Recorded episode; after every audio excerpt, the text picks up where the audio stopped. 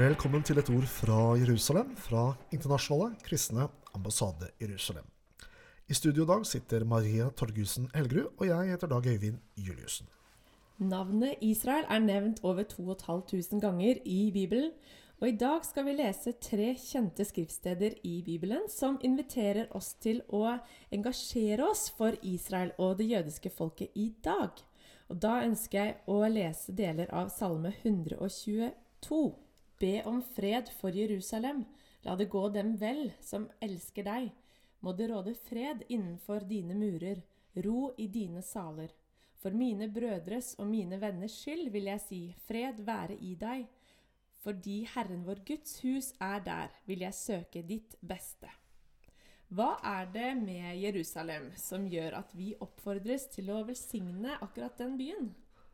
Jesus sjøl sier at uh, jordkloden er Guds fotskammel, og at Jerusalem er den store konges by. Så han omtaler uh, denne byen som sin egen by, rett og slett. Og det er den byen hvor alle de store hendelsene i Guds frelsesplan, de, de store, viktige, finner sted. Det er i Jerusalem, faktisk. Og det er nok utgangspunktet for at eh, vi er kalt til å be for den byen, fordi den er omspunnet av konflikt og kamp, egentlig gjennom hele historien, men også i dag. Derfor er vi kalt til å gå i forbønn og være en kirke som, som ber for det stedet og det folket. Har du noen konkrete tips på hvordan vi kan være med og be for Jerusalem? Ja, jeg tenker helt konkret det å be om vern, be om beskyttelse. Det er alltid krefter som vil begå vold og ødeleggelse i den byen og mot folk som bor i den byen. Det er et helt konkret bønneemne. Jeg tenker også at det er en by hvor Skriften sjøl sier at, skal, at, Gud skal utøse sin, sin, ånd over Jerusalems innbyggere. Og det kan vi gjerne be om at det er en dag som snart kommer. Så det er på en måte et sted hvor Guds rike går fram. Og det er konkret ting vi kan be om at Guds vilje, at Guds vei, finner sted eh, med den byen. Nettopp fordi en, mange vil dele byen, mange er kritiske til at jødene har den osv. Det, det er konkrete bønneemner. Vi kan gå videre til neste skriftsted, og det er første Mosebok 12. Og da er konteksten det at Gud møter Abraham og gir han løfter om å bli et folk og et land, og at de skal være til velsignelse for alle folk. Så står det da i første Mosebok 12 vers 3. Jeg skal velsigne den som velsigner deg, og jeg skal forbanne den som forbanner deg. Og i deg skal alle slekter på jorden bli velsignet. Altså Personlig har jeg litt sånn elsk-hat-forhold til dette med å bli forbannet og velsignet. For um, hvis det bare hadde handlet om velsignelse, så er det noe jeg hadde higet etter. Men jeg uh, har på følelsen at det kan også komme litt usunn lære og praksis ut av dette skriftstedet. Hva tenker du om det? Ja, det her er et stort spørsmål. Eh, nummer én så tenker jeg at det er på den ene siden det første løftet Gud gir til menneskeheten om hvordan de kan få Guds velsignelse. Det handler om å velsigne Abraham og hans etterkommere. Det er det ene aspektet som jo er interessant. Og jeg tror det finnes et løfte i at når vi som ikke er jøder, velsigner dette folket Gud vil jo at de skal velsigne og elske alle mennesker. Men, men det er noe knyttet ved dette folket, eh, av Guds eh, utvelgelse og kall, Eh, vern og beskyttelse som gjør at eh, det blir velsignelse tilbake på dem som velsigner dem. Når det gjelder dette ordet om forbannelse, så og her er ikke jeg bombastisk, altså, men mine betraktninger er slik at jeg tenker at vi lever i en nådens tidshusholdning. Derfor er det ikke sånn at bare en nasjon gjør det, så faller ild fra himmelen over dem. Nei, sånn er det ikke. Eh, men det kommer en dom en dag der framme. Det er et annet aspekt. Men jeg tenker kanskje noe at det kanskje er med på det planet at man lever i loven om å så og høste. Uh, og det er noe med at hvis man tråkker på dette folket her, trakasserer dette folket her, så kommer det en høst av det. Uh, men jeg tenker ikke at da griper Gud inn, og så dømmer han og sender ild fra himmelen. Det er en del som forkynner det, men, men, det tror ikke jeg. Og det er grunnleggende fordi vi lever i nådens tidshusholdning. Det er sånn helt basic. Men her er det nok mange ulike nyanser og, og syn på saken. Men der framme tror jeg det kommer en dom over hvordan nasjonen har behandlet dette folket. Du, det er jo mange som ønsker å stå opp for Israel i det offentlige rom. Eh, og så kan man da kjenne på at det er litt krevende. og tøft å stå opp for, det, eh, ja, for Israel. Har du noen tips til de som ønsker å stå opp for Israel? Ja, jeg tenker at det er, eh, noe, det er noe med å se dette bildet foran seg, at det er et folk som er forfulgt, det er et folk som er trakassert, det er et folk som har betalt en veldig høy pris. Og, og sånn ser jeg på det sjøl, at når jeg da står opp for dem i det offentlige rom, til tross for at det er masse ulike meninger om det her, så det, har det noe med rettferdighet å gjøre. Det har noe med at noen har vært slått gjennom historien å gjøre. Og på vegne av den som har vært ramma, så ønsker jeg å stå opp og tale dette folkets sak. Og så, så sier Skriften, Guds ord, at vi står i gjeld til dette folket. Det er et annet perspektiv. Eh, men, men vi står alle sammen i gjeld til jødefolket. Så når man lyver om dem, så er det på en måte vår plikt til å tale eh, og, og gå imot løgnene og anklagene som ikke er bygd på sannhet imot det. Vi skal snakke mer sammen, Maria, men først skal vi høre på musikk.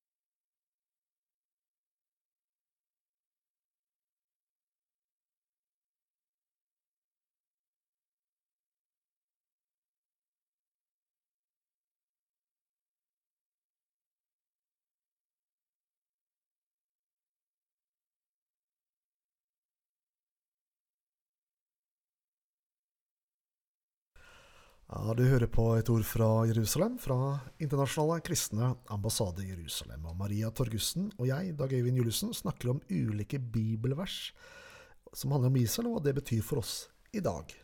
Ja, Da har jeg lyst til å lese Jesaja 40 av de første versene der. Trøst, trøst mitt folk, sier deres Gud.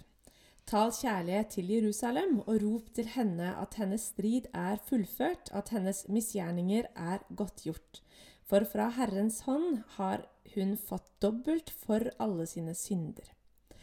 Dette her skriftstedet, det er jo rett og slett mandatet til Ikai.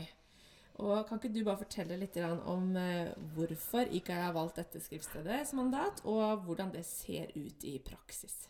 Ja, Hvordan trøster man en nasjon i 2022? Det er et godt spørsmål. Ja, Og vi har jo eksistert i 40 år. Ja, det er helt riktig. Det som er interessant her, det er jo at dette ordet ble jo forkynt av profeten Jesaja ca. 500 år før Jesus.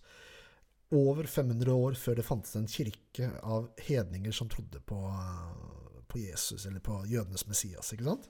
Men likevel så står det her at det er noen som skal trøste dette folket, og det er noen som skal tale vennlig eller kjærlig til Jerusalem. Og hvem er dette noen? Jo, det må jo være kirken. Som har dette kallet om å bringe trøst og omsorg til det jødiske folket. Og det er det vi står i Ikai.